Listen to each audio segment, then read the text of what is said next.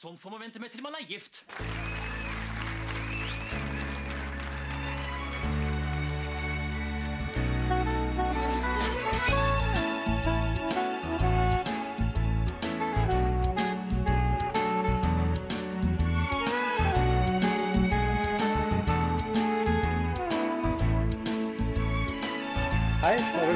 Til eh, nok en episode av Norsk film filmpodkast. Mitt navn er Emil. Jeg sitter her med min gode filmkamerat. Stefan heter jeg.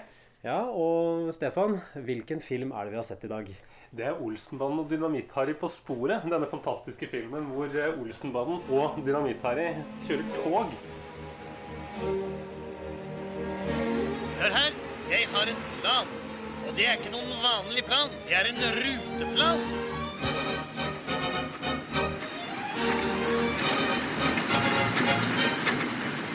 Min plan følger nøyaktig statsbanenes interne ruteplan. Det finnes absolutt ikke noe sted hvor det er så gjennomtenkt som hos statsbanene. Alt går etter klokka. Alt er tima og tilrettelagt. Det har vært en stor fornøyelse. Se der, for eksempel. Der kommer GT 3745. Presis på minuttet. Det kjører inn i spor 12. Der passerer sporskift 242 og fortsetter ned spor 24. Legg merke til hvor fint signalene skifter. Og hvor elegant det hele Og det er jo en, det er jo en del av denne, denne serien, Olsenbanden, som Ja. kanskje de fleste har hørt om. Jeg, jeg må jo innrømme at jeg har eh, Dette kan vi kanskje komme litt tilbake til, men jeg har egentlig aldri hatt noe særlig forhold til eller nostalgi for eh, Olsenbanden overhodet.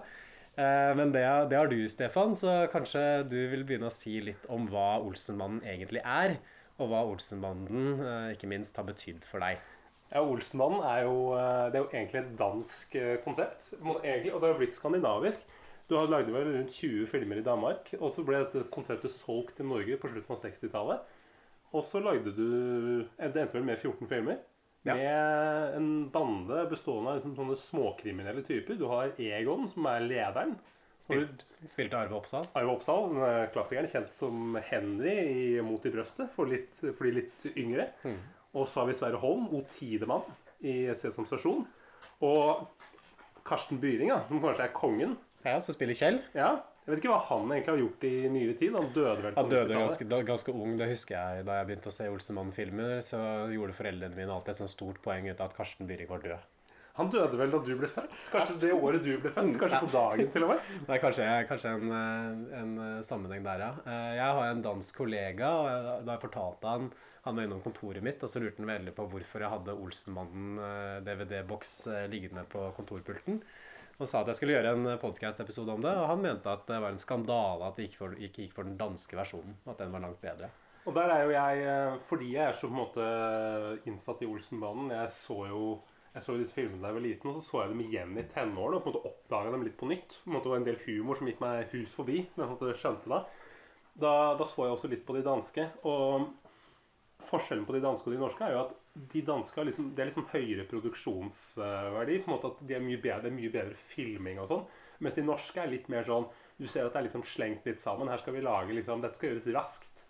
Og det er jo eh, det, det er jo et fascinerende selskap som har laget film nå, for det er jo teamfilm med Knut Andersen, Knut Bovim og Mattis Jeg tror han heter Mattis Mathisen eller noe. Så var de tre regissørene. Ja, eller Mattis Mathisen er kamera, og de to andre var regissører.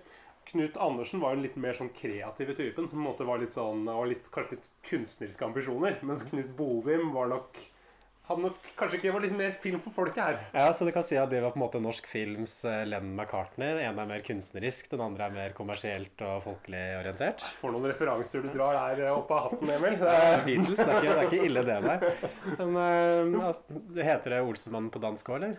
ja, Olsenmannen med bindestrek eh, på dansk. Det mest spesielle er hvorfor du ikke har noe forhold til Olsenbanen, Emil. Hvorfor sto du på fransk nybølge og sånn? Jeg starta tidlig med det. Nei, jeg har alltid liksom tenkt at Olsenmannen egentlig tilhører eh, tradisjonen før meg, eller kanskje tradisjonen før der igjen. Jeg Har jo selvfølgelig sett på Olsenmannen i oppveksten, men jeg kan ikke egentlig huske å ha sett en hel sånn Olsenmann-film fra start til slutt, eller i som står igjen som et sterk eh, filmminne. Jeg husker at jeg var på kino og så den eh, foreløpig siste Olsenbanden-filmen. Den husker sikkert du hva heter, Stefan? Siste stikk. Siste stikk, ja. Den så vi i Colosseum, faktisk, da jeg gikk på barneskole i Oslo. Oi. Og så nå kommer det jo en ny Olsenmannen-film med Jon Carew bl.a. og Anders Bosmo, som jeg er helt sikker på at vi kommer til å dekke på et eller annet tidspunkt. Ja, det kommer til å bli eh, Det kommer sikkert til å bli en vinner, det. Ja. Det har i hvert fall vært, eh, vært noen timer i den podkasten her. Her i Norsk Norsk Filmpodkast så tar vi ingenting for, for, for gitt. Vi forhåndsdømmer ikke. Vi nærmer oss alt med et like åpent sinn, og det gjelder også den nye Olsenmann-filmen. Så vi får se når vi ser den, og så får dere få gjøre hva, hva vi Ja, synes om vi er jo ikke ute etter å dømme noen filmer. Vi er jo på en måte Hva kan du si? Vi er helt eh, åpne for alt, vi. Ja, blank, blanke ark. Og fargestifter til, som vi pleier å si. Men det, det, var jo du som valgte ut at vi skulle se akkurat uh, denne Olsenmann og Dynamitt-Harry på sporet. Det er vel film nummer åtte i serien. For den kommer jo i en brytningstid i Olsenmannen. Du har allerede spilt inn syv filmer. Og det er den første filmen hvor vi møter Biffen, denne danske eh, banditten. Som er småfet og alminnelig. Ja, Blir han navngitt eller i filmen? For Jeg tror ikke jeg kan huske at, han, at de nevner at han heter Biffen. på Jeg har funnet ut det på egen hånd seinere, at han heter Biffen. Ja. Eh, så det er på en måte første filmen. Og så etter dette her så, så sporer det litt av, hvor det blir, sånn vel mye slapstick. Og hvor det på en måte går over til å bli veldig sånn barnefilm. Ja. Dette er kanskje en av de siste som på en måte som um, Jeg vet ikke, som har, som har noe litt mer, da. Som er noe litt Som er et eller annet som ikke bare er Donald Duck-humor. Ja, hva det, hva det mer går ut på, det kan vi jo komme tilbake til. Uh, I hvert fall kan jo, kan jo si litt om plottet her, fordi filmen Det var en overraskelse for meg. Åpner i Spania. At det er et fly som lander, en pakke som bæres ut og fraktes videre av en kurer opp til El Paraiso, som er en ganske fasjonabel villa. Som ligger oppå en åsside i skal vel være Spania eller kanskje Mallorca eller en av de spanske øyene. Ja, det er for veldig lite trær der. Den heter eh, Casa Olsen. Og der eh, residerer Benny, Kjell og Egon. Ja, Og Valborg, som har blitt eh, alkoholiker siden sist. Hun drikker Bloody Marys. Ja, tidlig på dagen fortsetter med det. Så Kjell kommer ut, deretter Bennys og Egon. De blir introdusert for hele gjengen. De er kledd i matchende badekåper. Jeg syns det var en ganske artig start her. Kjell klager at de ikke har geitost. og, så sier, og så Arve Oppsal her er det norsk melk, norsk smør, norske sardiner i norsk olje. Han har hatt en sånn stri, sånn overuttalt eh, diksjon, sier karakteren. Og det synes jeg, Men det er jo fantastisk med å se eh, filmer fra 70-tallet med sånne skuespillere. At du skjønner hva de sier. Det er ikke noe mumlepetter Det eh, er ikke sånn Trond Espen Seim-opplegg. Sånn der, ja, hun driver med sånn der, ja, Forskjell på å være autentisk. Nei, det her er det jo god diksjon. Det har du lært allerede på, på skolen. Ja. Og så, er det vel det at de, Egon har Det kommer fram at Egon har på en måte passet på pengene, og de andre får ikke del av de pengene. Ja, de har, de har gjennomført et vellykka ran, så det er kanskje det de gjør i filmen før. Det vet ikke jeg, men du vet det, Det henger ikke helt sammen. Nei, for så- det er okay. rappa rett fra de danske filmene. Så jeg Ja. tror det går litt sånn Egon har i hvert fall hele gevinsten, som er en koffert som han har festa med håndjern til, eh, til hånda si. Eh, Benny har lyst til å investere i et multinasjonalt selskap, noe Egon er veldig imot. Eh, Egon sier at eh, vi har villa, vi har swimmingpool, vi har tre TV-er, vi er rike, og vi er lykkelige. Når skal dere få det inn i hodene deres? Så det er jo en slags sånn Hvis man skal lese det i en litt mer sånn generell kontekst, så kan man jo si at det kanskje kan være en sånn metafor for den norske oljerikdommen. At de har alt de ønsker seg, disse gutta her. Til og med råd til å bo i Syden. Men folket, altså Benny, eh, Kjell og Valborg, er fremdeles misfornøyde. Selv om de har sardiner i norsk olje og G35 geitost Ja. og swimmingpool. Men det sitter, sitter en fyr og spionerer på dem i en åsside. Hvem er dette, Stefan? Det er Biffen, eller eh, det er en dansk fyr som er småfet og alminnelig. Mhm. Og han har kommet med fly fra Norge, og han har tatt med seg en koffert. Og i den kofferten er det en boltekutter. Han kan ikke kjøpe boltekutter i, I Spania. Spania, Han nei. tok den med seg fra Norge. Spania var nesten et u-land på 70-tallet, så Ja, det var det vel rett etter Franco, det her. Mm. Det var til og med under Franco, kanskje. Det var under Franco. Ja. Han klarer i hvert fall å stikke av med denne, med denne kofferten full av penger. og Så legger Egon kjapt en plan at han forsøker å stjele pengene tilbake. Det går ikke. Egon blir tatt av det spanske politiet, og pengene får han heller ikke, for det har Biffen allerede tatt med seg på fly til Danmark. Og jeg synes Dette er jo en slags sånn prolog, fordi rett etter dette her så klippes det til Oslo kretsfengsel, og så kommer liksom tittelmusikken inn. Jeg syns, eh, må innrømme at jeg syns det var veldig sånn visuelt flott. den prologen. Ja. Veldig fargerike bilder, noen ganske slående komposisjoner. Så jeg vil si at i hvert fall fram til da så holdt det for meg ganske sånn eh, overraskende høyt filmatisk nivå. Det du, kan, eh, det du kan se hvis du ser de danske filmene, er at du ser at det er jo noen klipp som måtte bare er tatt rett fra de danske filmene. Altså måte at det ikke engang, Du har ikke engang kopiert det. det er på en måte bare, Du har bare tatt selve råklippet og så bare lagt det inn i den norske. Er det en dansk person som er skurken danske versjonen nå, eller? Eller er Eh, nordmann? Jeg tror han Biffen er eh, Han er fra de danske filmene. Så okay, han er ja. skurk i de danske og i de norske filmene. Samme skuespilleren. Fordi i, På sporet så er det et poeng at de sier at det er et multinasjonalt selskap. Som han Multiscan. Er, ja, multiscan, ja. Som Ikke han scam, er, som han er, eh, er tilknytta, han Biffen. Så da er jo den der danskheten noe som brukes litt mot ham. For du ser også at de har hovedkontor i, i Zürich og et eller annet annet sted og København. Ja. Ikke i Oslo. Så det er også en, eh, en referanse til det danske. Men jeg er enig, er, visuelt er det jo veldig flott. Ja. Og så, eh, så kommer vi til en helt sånn unødvendig scene hvor, hvor Egon prøver å finne ut om Valborg og Benny er tilbake Ja, den syns jeg også på at han går innom et reisebyrå. reisebyrå. i kvadraturen istedenfor å gå rett fra liksom kretsfengselet liksom, og rett opp til kampen. Det tar jo ti minutter, der hvor Kjell og Valborg bor. Så går han hele veien ned til sentrum for å sjekke ut om, eh, om de folka har kommet hjem igjen. Han går jo også forbi en statue på vei ut av Oslo kretsfengsel på starten av filmen her, eh, hvor det står 'prøv å være trofast mot det beste i deg selv'. Altså, Hvordan tolker du den beskjeden inn i filmen her, eh, Stefan? Jeg må innrømme at jeg sleit litt med å skjønne hvordan det hang sammen med historien. eh. Jeg vet akkurat personen. hvordan dette har skjedd. Det er på en måte Knut Boheim som står utenfor og filmer deg. De har dårlig tid. Han tar, Det er ett klipp, og så ferdig. Og så ser han den der, så tenker han den kan jeg, den kan jeg slenge til et eller annet sted. Og så tar han, tar han et bilde. Mm. Bruker han 30 sekunder på det. Ja. Jeg skjønner, jeg tror det, det ja, for, det, for meg så virka det nesten som en slags sånn her, eh, hva man kaller det, sånn epigram egentlig for filmen. Et slags eh, Ikke Knut slagord. Ikke Men, vet hva epigram er. nei, nei, kanskje ikke jeg heller. Ikke jeg heller, egentlig. epigram? Jeg tar det, jeg er ikke sikker på hva jeg, jeg tar det på at det er så flaut hvis jeg bruker ordet. Det hørtes veldig fint ut. Tore Sagen Nei, for jeg, jeg tenkte kanskje at dette skulle være et slags slagord for hele filmen, egentlig, som resten av filmen skal kontekstualiseres litt opp mot. Og de er jo for så vidt trofaste mot det beste i dem selv, kan man jo si. Fordi eh, Egon tar i hvert fall oppsøker Kjell og møter Dynamitt-Harry utafor leiligheten der hvor Kjell bor, på kampen der. Og Harry informerer om at Egon egentlig har falt litt ut av det gode selskap, og at Valborg har fått Kjell og Benny til å begynne å jobbe. Valborg har til og med gått til politiet for å få penger igjen fra dem, noe Egon reagerer noe veldig på. Så man ser at det er en slags sånn I denne konflikten mellom Valborg mot Egon, så er det en sånn konflikt mellom det å skulle tilpasse seg samfunnet, bli lovlydig og det å fortsette å være kriminell. Litt sånn typisk kjønnsdynamikk, kanskje. Man ser jo, kan jo se Valborg som en sånn proto Carmella Soprano eller Skyler White, som hele tiden skal forsøke å liksom gjøre mannen, den kriminelle hovedpersonen, eller Tony Soprano eller Walter White, mer respektabel og mer lovlydig. Oi, det er veldig avanserte analyser her nå. Ja, det er jo det vi, det det vi skal by på i Ja, Norsk Film det. Det du ikke får noen andre steder. Blant annet i, Det finnes jo en egen Olsenbanden-podkast. Ja, de er kaster rundt seg med sånne Nei, det er ikke verdt å, det er verdt å høre på, det veit jeg. Å ja, har du prøvd å høre på det? Apropos eh, latter. Noe av det beste i filmen syns jeg er Sverre Holms latter.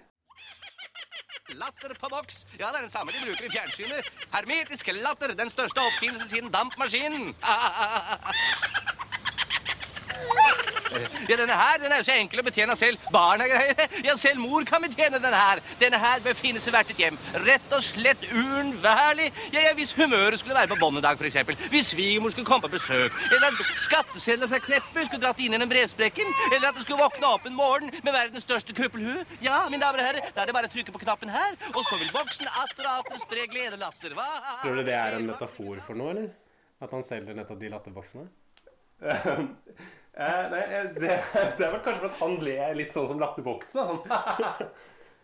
Det beste med det beste med det Nå ble jeg liksom støkk stuck her, for nå var det på en måte Det var virkelig mye analyse her. Det var litt, litt for Ja, mye av det gode for meg. Men eh, En sånn enkelt fyr som meg. Men eh, det beste er at han sier at de latterboksene er som å ha Odd Gryte på sprayboks. Ja, den referansen tok ikke jeg. Hvem er Odd Gryte? Odd Gryte hadde et program på 70-tallet på NRK som het Husker du?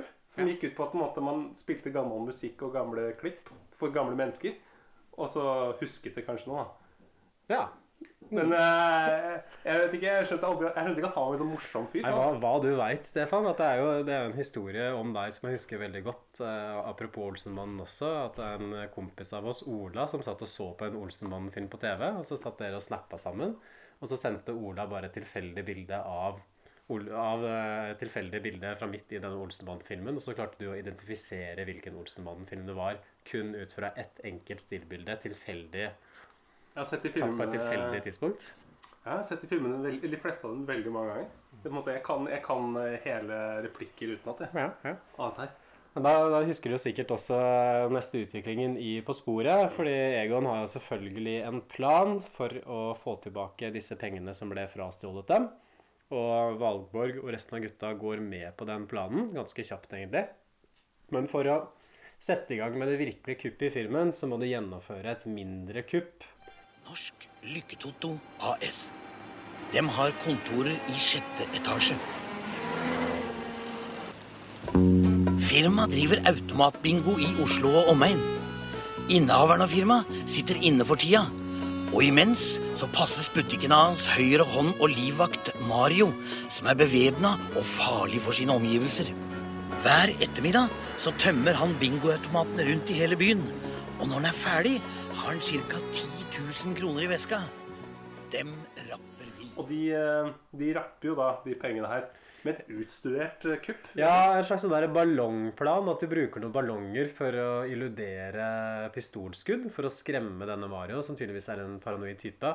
Jeg skjønte ikke helt det, fordi Benny står på utsiden med denne ballongen som skal komme opp og smelle rett utenfor vinduet til Mario, hvor han sitter og drikker øl. Men så står også Kjell i gangen med en annen ballong. Så hvordan passer Kjell inn i planen der? For jeg kan ikke huske at de smelta den ballong nummer to i det. Jo, men de smeller ballongen fordi et poenget er at um, Først så smeller det utenfor vinduet. Uh, og da kommer Mario fram med pistolen sin, skyter ut gjennom vinduet midt i Oslo sentrum.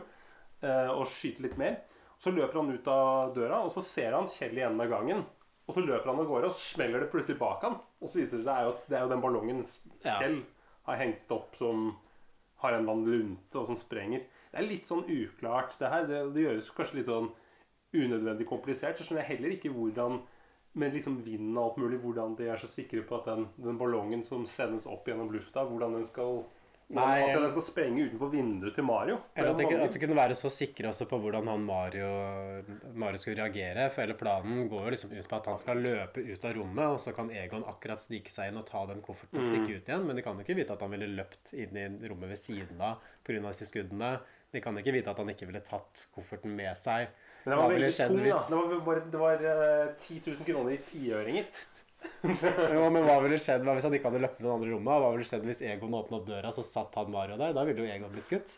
Ja, det, for han er jo farlig, han Mario. Han skyter jo bare Ja, han sitter jo med han, Mario Gunnar, sitter jo med pistolen og tror at det er en skuddveksling, og så kommer Egon voksen inn. Det er ikke bra for Egon. Nei, det, det, det, det, går i hvert fall bra, da, denne planen her, og det kan sette i gang med det som er på en måte filmens hovedkupp og hovedplott, som er dette tograneriet. Og da kan, de, da kan de både kjøpe lastebil og knaggebrett, som de trenger inn, uh, i det videre kuppet. Mhm. Du kan jo kanskje fortelle litt om eh, hvordan det går videre der? Ja, altså nå må jeg si at Fordi resten av filmen er jo bare dette togranet. Så dette er, nå er vi omtrent ved filmens halvpunkt, tror jeg. Og så er det tre kvarter som er en lang uavbrutt scene av at de gjen, in, uh, gjennomfører dette tograneriet. Så det er vel noen avstikkere her og der, men mesteparten av de resterende 45 minuttene i filmen så er vi jo på togskinnene eh, i utkanten av Oslo, oppe ved Grorud der. Og det er jo, men det du må huske at det er jo mange gode sitater i den filmen her. Det, er jo på en måte, det virker jo som en måte at NSB har sponsa filmen. Det er jo på en måte Egon sier jo at det er ingenting som er så gjennomtenkt som hos Statsbanene. Statsbanene begår aldri noen misforståelser. Det er veldig mye liksom referanser til hvor fantastisk NSB er. Men sånn, sånt som, måte, som ser så skjønner du at det er liksom det er tjukt lag med ironi under det. Ja, og det som er tragisk, vet du, at dagens ungdom, de som vokser opp nå etter at NSB har blitt Vy og så delprivatisert, de kommer ikke til å kunne se den filmen der, for de kommer ikke til å vite hva NSB er. Det sier litt om hvor, hvordan politisk utvikling har gått skeis i dette landet. Ja, det, det, har gått, det har gått helt feil retning, det der. altså. Ja, men, ja. Hva skal du si? Nei, go ahead. Det går aldri noen misforståelser. Kanskje ungdommen skjønner det da. Nei, at de gjennomfører en veldig sånn komplisert plan som krever noe sånn inngående kjennskap til NSBs ruteplaner. De kler seg som togoperatører fordi de har funnet ut det at de 90 millionene som de fikk fra kuppet i forrige, det forrige kuppet de gjorde, har blitt casha inn til gullbarrer som skal fraktes ut av landet. Til Danmark, er det vel? Og så skal de forsøke å ta det togsettet og på en måte spore av det. Og så ta ut gullbarrene og så kjøre av gårde med dem. Tar jeg feil da, eller er det planen? Jo, men det er det. Er det. Og de, eh, det, som, det, det som er en svakhet her, er jo at eh, de skal jo frakte det til en bedrift. Lysaker lampefabrikk. Og vi, når vi ser et bilde av Lysaker lampefabrikk, så ser vi at de har et sidespor. Så hvorfor kjører de ikke toget hele veien? Hvorfor skal de frakte dette her liksom Først kjøre toget liksom inn til Sjursøya, så laste over på lastebil, og så kjøre til Lysaker? Hvorfor ikke bare kjøre toget hele veien? Ja, det er jo veldig omstendelig også, for de kjører jo det toget veldig lenge, virker det som for meg. Fra de får tak i gullbarene, til de faktisk skal begynne å laste det over i den lastebilen. Men det er jo sånn fisestrekning. Jeg fra Grorud til Bekkelaget Sjursøya. Er et par kilometer. det. Er jo Ja. ingenting. Men planen, eh, planen går i hvert fall ikke som tiltenkt, for det viser seg å ha kjøpt en altfor gammel og for dårlig lastebil som kollapser under vekten av disse gullbarene. Og Kjell Og Benny og Kjell ja, Benny og Kjell også, de klarer ikke å løfte de kassene som gullbarna er oppi. Eller de klarer ikke, og de har egentlig ikke noe særlig lyst heller. Er umotiverte. De er jo latsekker. Det er jo på en måte Ja. det, vi, det vi skjønner. Og Egon finner igjen denne togvogna på et senere tidspunkt, men blir da slått ned og tatt til fange av Biffen, denne danske skurken, og, som putter han opp i en boks som han har tenkt til å sende til Argentina. Jeg syns det var overraskende lite solidaritet, sånn særlig mellom Kjell og Egon der, fordi Kjell ser jo Egon ligge helt livløs med hatten av etter han har fått seg, blitt slått ned av den dansken. Og så konstaterer han sånn kjølig at Egon har blitt slått i hjel. Ja, hva gjør vi nå, Benny? Ikke noe sånn særlig følelse der. Og seinere også så gidder han jo ikke å hjelpe Benny med å bære kassa med Egon ut. Det er bare, Dere orker rett og slett ikke. Det går for langt på rand. Så jeg vet ikke, hva er, hva er beefen der? Jeg trodde disse her skulle være venner. Men det er jo, det, det er jo som eh, Kjell sier det så fint når han skal ha en litt sånn tale sammen med gutta. Og liksom eh, sånn eh, slags eh, Og på en måte få god stemning, da. Så sier han at Én for én. Og alle hver for seg. Ålreit, la oss komme i de er jo ikke så interessert i Det er jo ikke egentlig noen nære venner. De er bare interessert i å få pengene til å bare være med på en enkel plan og få eh, mange millioner og reise til Spania igjen. Ja, det er nettopp det Olsenmannen minner oss om, som alle store kriminalfilmer, som f.eks. Gudfaren, Heat og Scarface, at det er egentlig ikke noen regler, det er ikke noe empati, det er ikke noe moral i de kriminelles verden. Der er alle for seg sjøl, og man kan sitte og glamorisere det som filmseer, men når du ser en film som Olsenmannen, så skjønner du kjapt at det er ikke så kult som det det framstår eh, på det store lerret. Nei, det, her det er mye små, det blir mye småpenger. Det blir sånn, sånn 10 000 kroner i 15-øringer. Det er på en måte det du Det er hardt å være kriminell. Og så lurer jeg på en annen ting også. Um, Dynamitt-Harry. Hva er hans Ja. rolle i den filmen? For han er jo i tittelen. Filmen heter jo 'Olsenmannen og Dynamitt-Harry på sporet'. Men det kobler han så vidt på helt på slutten av filmen, og så får han oppgave i å feilkoble et sikringsskap. Så jeg syns kanskje han kommer litt sånn lite til sin rett her, fordi det sikringsskapet det kunne også Kjell ha kobla om. Og han bruker jo ikke noe dynamitt, sånn bortsett fra at han sitter og sprenger noe greier helt på starten. Det slutter han jo med. Eh, Men jeg, ifølge Knut Bohim så gikk eh, besøkstallene på kino veldig opp. Eller liksom gikk opp med 100 000 hvis de fikk inn Dynamitt-Harry i filmen. Så jeg tror det er på en måte, det er på en måte bare Det er bare ren uh, kynisme som gjør at han er med. For det, det gir litt sånn mening, for han, uh, Harald Eide Steen er kanskje med på skjermen i sånn ti minutter totalt i hele filmen. Av Ingenting. 100, 100 minutter. Men jeg syns ikke den karakteren tilfører ting heller. Jeg syns de bare kunne sløyfe han. For jeg, jeg syns de andre de spiller, de spiller sånn relativt realistisk. Jeg på en måte kan kjøpe måten de er på. Liksom, de, de, de overspiller ikke. Ja. Men jeg syns Dynamitt-Harry overspiller veldig, sånn som Harald Heide Steen ofte gjør. da At han, Ja. at han skal være morsom hele tida. Mm. Han tar litt showet, kanskje, så det kan jo kanskje være grunnen til at de ikke bruker det så mye heller. At han forsøker veldig sterkt å stjele scenene sine, i hvert fall når du har liksom Arve Oppsal og Harald Eide Steen sammen i en scene, og begge liksom gønner på, og begge kjører på fullt, så blir det fort litt mye. Ja, det, blir, eh, det blir liksom som eh, to porsjoner med dessert, for å si det sånn. Det er kanskje derfor Karsten Byring er såpass eh, folkekjær da, i rollen som Kjell. For han er jo litt mer nedpå, kanskje. Han er litt bedre skuespiller enn de to andre. Ikke, for han var vel Byring var vel kanskje primært en dramatisk skuespiller, var han ikke det? Så han ikke komiker, først og fremst. Han var vel mye på revyscenen på Chat Ja, okay. og sånn også. Men, men jeg er helt enig. Han er eh, Men det morsomme med Byring er jo at til vanlig så spiller han jo ofte litt sånne kule Det var jo egentlig han som skulle være Egon. Han er jo på en måte ofte litt sånne røffe typer. Litt mer sånn eh, direkte. Litt sånn mer som Arve Oppsal spiller Mm. her.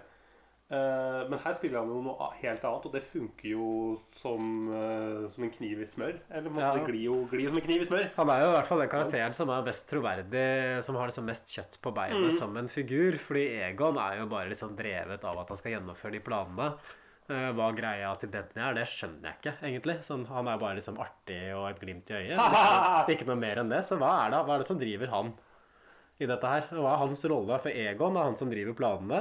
Kjell er sammen med Valborg og er på en måte liksom det sosiale sentrumet. Men Benny, hvorfor, hvorfor driver han og henger rundt med de to andre? Tror du at det er han får ut av dette? For Han virker som den mest sosialt oppegående av dem også. Ja. Han er mest velfungerende, ganske lett å like. Men kanskje han ikke har noen andre venner? At det er vanskelig å finne andre å henge med? Ja, jeg syns det er litt så vanskelig å sette fingeren på også liksom, hvem den karakteren egentlig er. At han er som en slags sånn mellomting da, mellom Egon og Kjell, kan man si.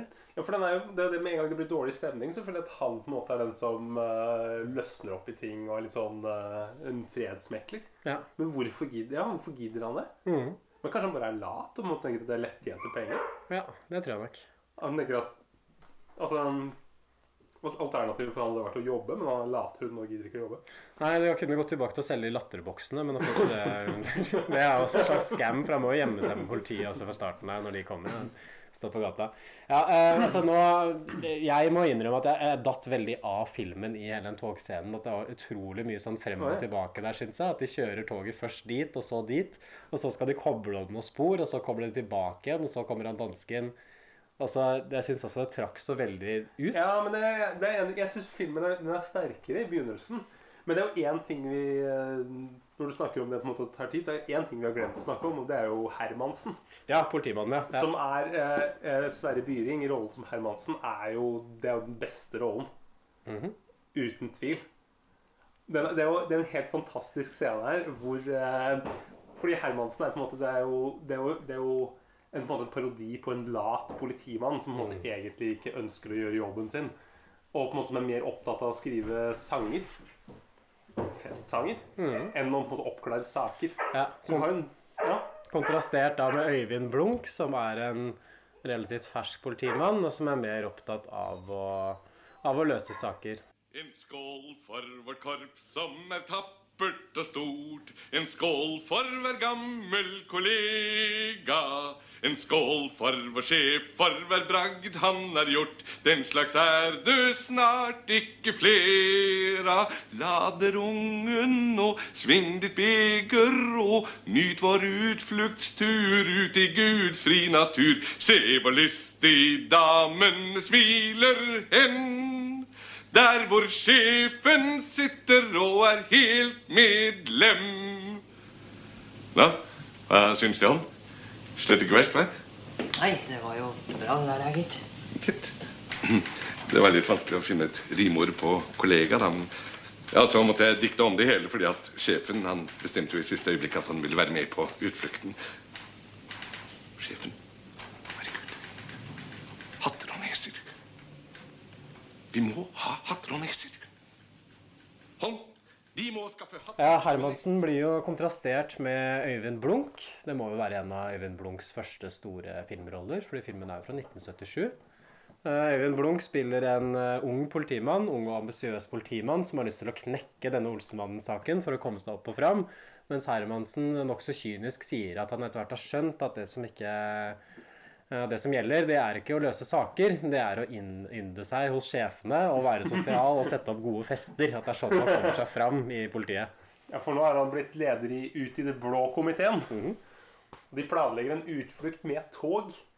Og selvfølgelig så kommer Olsenbanen borti den uh, togturen. Og det er veldig viktig for uh, Hermansen å skaffe nok hatter og neser til uh, alle som skal være med. Hatter og neser. Vi må ha hatter og neser. Hold. De må skaffe hatter og neser. Blant annet damene i sedelighetsavdelingen. som Ja. være med på den turen her. Vi skal ha en sånn fyllefest, egentlig, så det er vel en slags sånn sommeravslutning da, i politiet, virker det som. Og dette toget blir jo på en eller annen måte kobla på den vognen som Egon og Kjell og Benny fører. Med, og da synger de egenkomponerte sanger mens de liksom om sjefen, som er helt medlem i uh, gjengen. Linja der la jeg også merke til. Veldig dårlig. Men det er på en måte litt sånn, uh, litt sånn troverdig også, fordi man har jo sunget ganske mange sånn teite firmalåter opp gjennom årene som har veldig dårlig rim. Så det passer, jo- passer godt inn der. Jeg syns den sangen er noe av det beste i hele filmen. Jeg, må- jeg synes den er, den er helt troverdig. Og, på en måte, og det, at, at de måtte finne på noe i siste liten fordi at sjefen bestemte seg å være med, så de måtte skrive han inn i sangen. Så kommer dette her med medlem, da.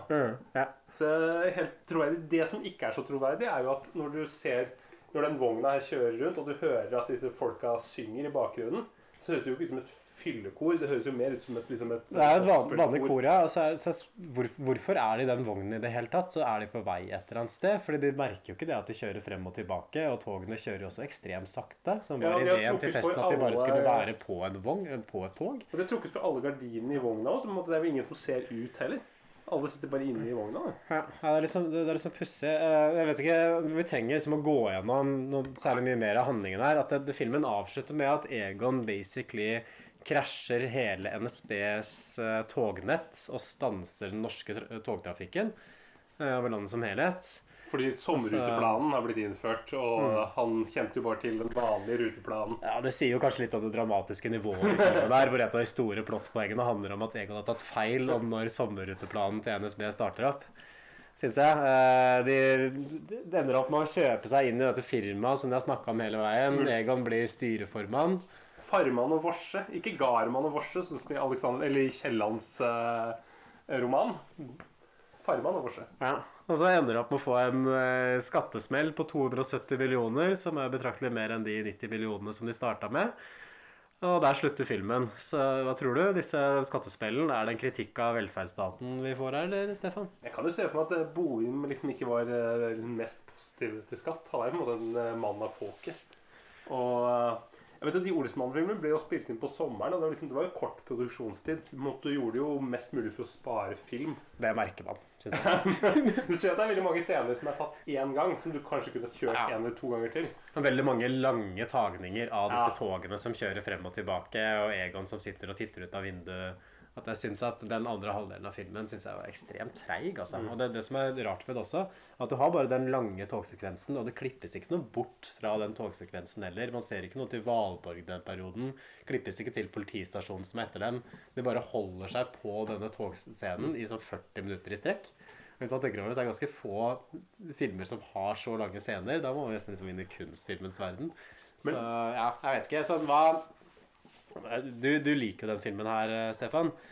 Hva er det du liker ved Sånn, jeg på sporet. Jeg er jo glad i tog, da. Så på en måte, det, men det, det jeg syns er fascinerende, er på en måte det at du ser, liksom, du ser så mye av Oslo og liksom, gamle tog og toglinjer og sånn. Men jeg tror det som, det som redder filmene for meg, er jo at eh, jeg syns at skuespillet at på en måte, Du har gjort en utrolig god jobb på castinga. Jeg syns jo både at ehm, eh, Sverre Holm som liksom Hermansen Nei, jeg mener Sverre Vilberg som Hermansen. Og, og liksom hele Karsten Byring og Arve Oppsal, Arve selvfølgelig. Ja. Jeg syns også Sverre Holm funker. eh, Ja, ja, ja. Alle de tre er Aud Schønemann også er, er god. Og Aud Schønemann. Altså, en det, castinga er fryktelig bra. Jeg tror hvis du hadde, hvis du hadde fått inn Dette har ingenting med Bovims talent å gjøre. liksom. Regissøren har på en måte ikke bidratt her. Det er liksom, det, det, hele spiller på, er, er i bunn og grunn at du har vært, du har vært heldig med castinga. Og det er det som også skiller dem fra de danske filmene når du ser dem. at Der har du en veldig karismatisk og god Egon-karakter, men de to andre i banen er ganske, er ganske sånn slapt spilt. Og det, han som spiller Hermansen, er på en måte bare helt, eh, helt ubrukelig. Så det som gjør de norske filmene, er på en måte at du har, du har vært heldig med castinga, men, men det filmatiske er jo liksom Det er jo lavmål. Eh, ja, nei, jeg syns som sagt den prologen var ganske god. og Mm, Etter det så blir jo filmen veldig sånn håndverksmessig. uh, både i filmatiske og i hvordan historien er fortalt. Så jeg, jeg ser jo det at det har jo en viss sånn sjarm at man får en slags sånn Oslo-portrett, egentlig. At det er jo det er liksom noe av det som er interessant med film, tenker jeg. At film har jo en sånn ibånd sånn dokumentarisk verdi. Sånn I motsetning til bok eller musikk, så er filmen også alltid en eller annen på en måte en slags sånn dokumentar over hvordan filmen selv har blitt lagd. Så man bare tar liksom filmer en scene på gata i Oslo i 1977, så er det noe sånn iboende interessant ved det, syns jeg, ved dagens øyne. For liksom plukker alltid opp ting som hvordan bilene ser ut, ikke sant? statistene, ulike reklameplakatene, bygningene.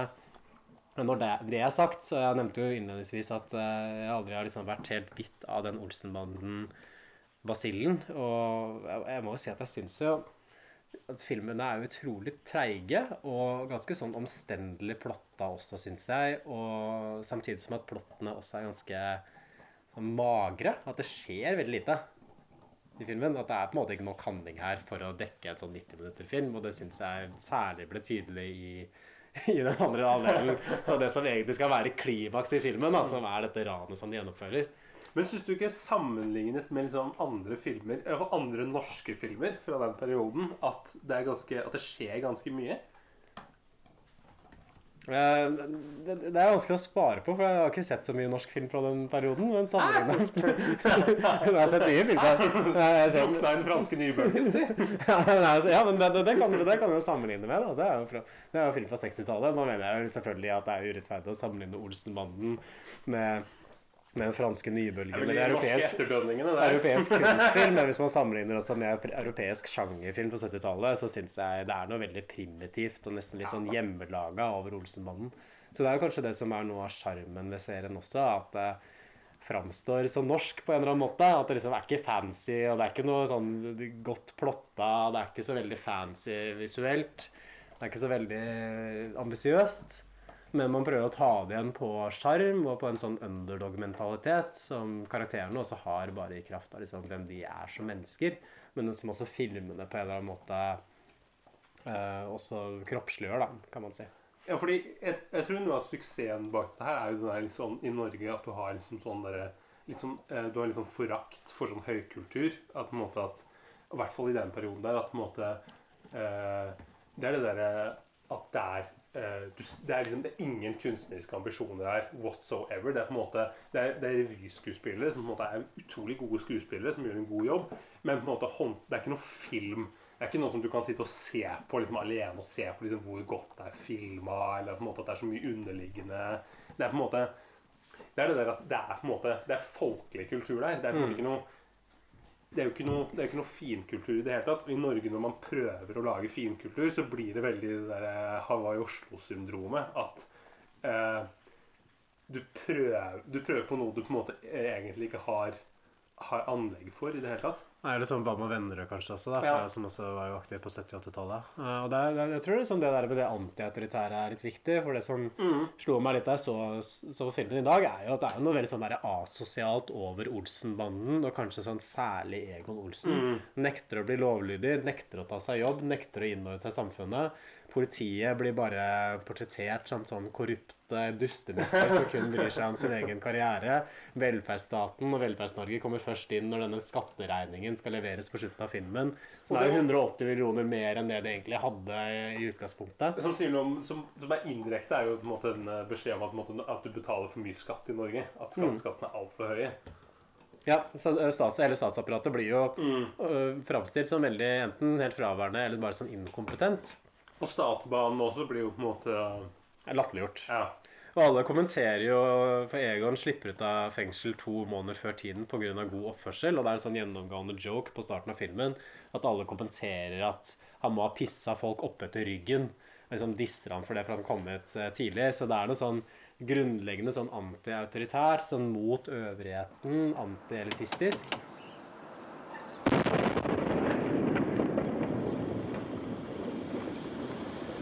Guds fred i stuen! Harry, hva i svarte gjør du her? Jeg bor her.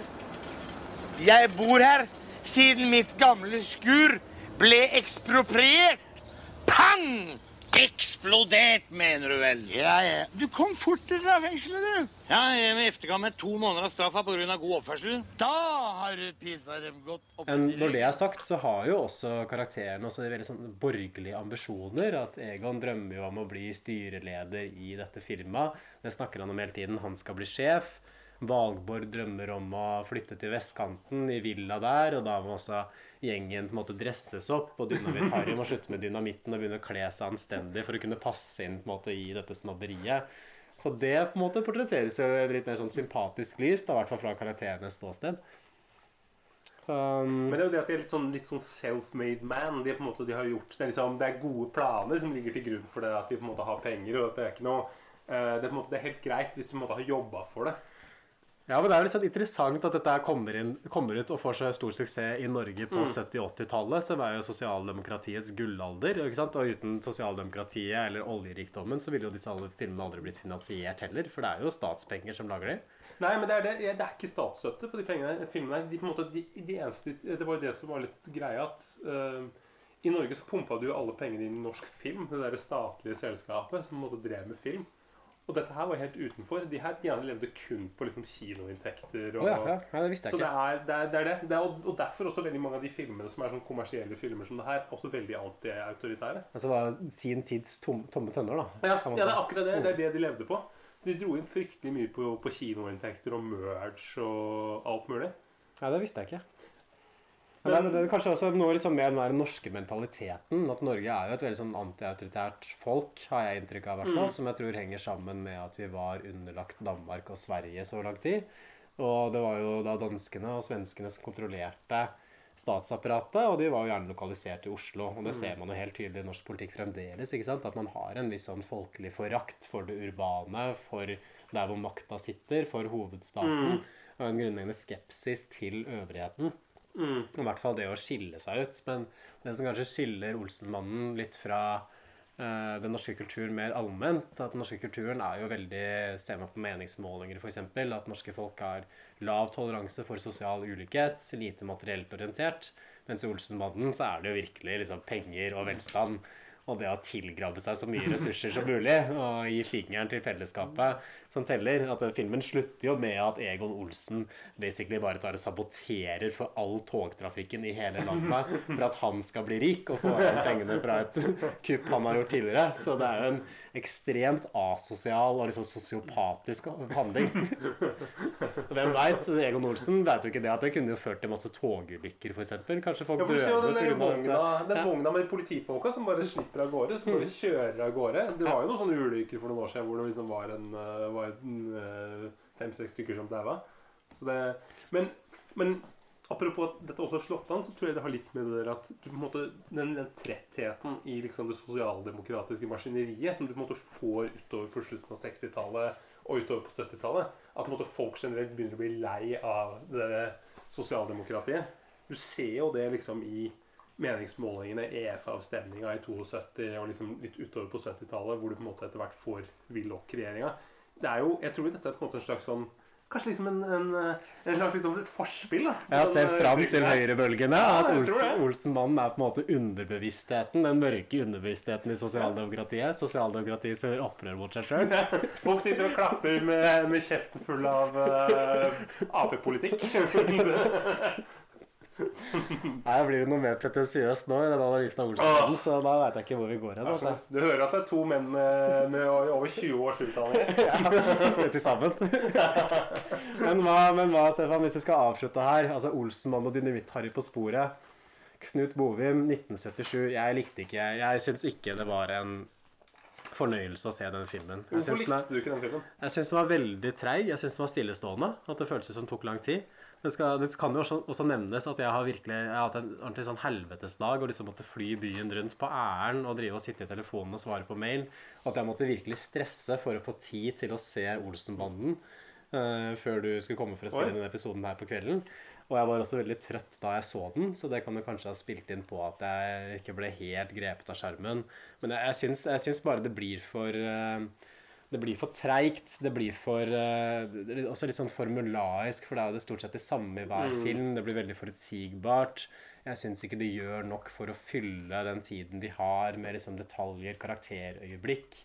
Det blir veldig mye sånn Ja, det, det toget går fra den stasjonen 946, og så kobler du opp her. Og så har man veldig veldig lange scener som for meg bare føles som fyll. da, rett og slett, på Mm. slutten av filmen. Så det er kanskje min innvending. Men du, du har jo en helt annen eh, mening, eh, Stefan. Jeg har jo nok, jeg har på en måte en nostalg, liksom et nostalgisk slør rundt liksom, eh, brillene mine når jeg ser på dette her. Så for meg så blir det liksom, er det vanskelig å på en måte vurdere dette her objektivt. Jeg, på en måte, jeg sliter jo med det. Sånn som For meg så ser jeg eksempel ikke at den siste delen er veldig treg. Jeg bare sitter og koser meg og ser på togene og «Ah, Sverre Holm igjen som ler. og at det på en måte er Ja, at Jeg ser ikke de svakhetene som du peker på. Men det er jo nettopp derfor det er flott å ha en podkast hvor vi kan diskutere det her. Men eh, det jeg tenker hva, hva tror du er Hva mener du er filmens budskap? Jeg tror ikke filmen har noe budskap i det hele tatt. Hæ? Har du det ikke liksom- noe budskap?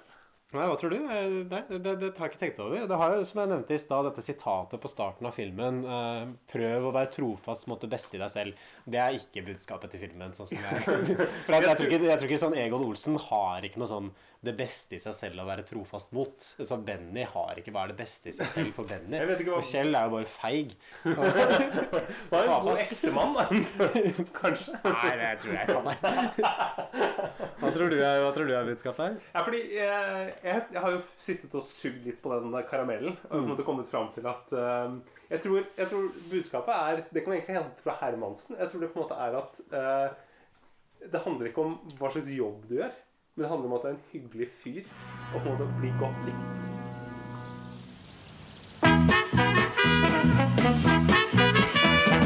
Thank